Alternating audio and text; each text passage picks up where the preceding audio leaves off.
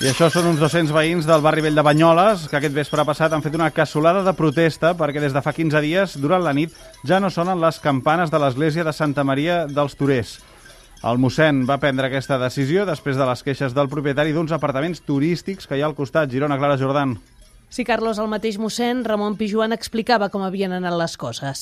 Va venir el senyor a dir que, que s'hi podia pagar les campanes perquè no, no agradava als seus clients. Els seus clients es queixaven i per internet donaven males, mals informes d'aquells apartaments. Bé, al cap d'uns dies van tornar a trucar i va ser llavors que vaig decidir vaig trucar al tècnic i van posar les campanes en silenci l'última vegada que toquen a les 10 de la nit i tornen a tocar a partir de les 8 del matí. Ahir a la tarda, en un fil de Twitter, el propietari dels apartaments afegia que, més, ha demanat que s'aturi el toc nocturn perquè al costat dels apartaments hi viu un fill seu que necessita dormir bé per la malaltia que pateix.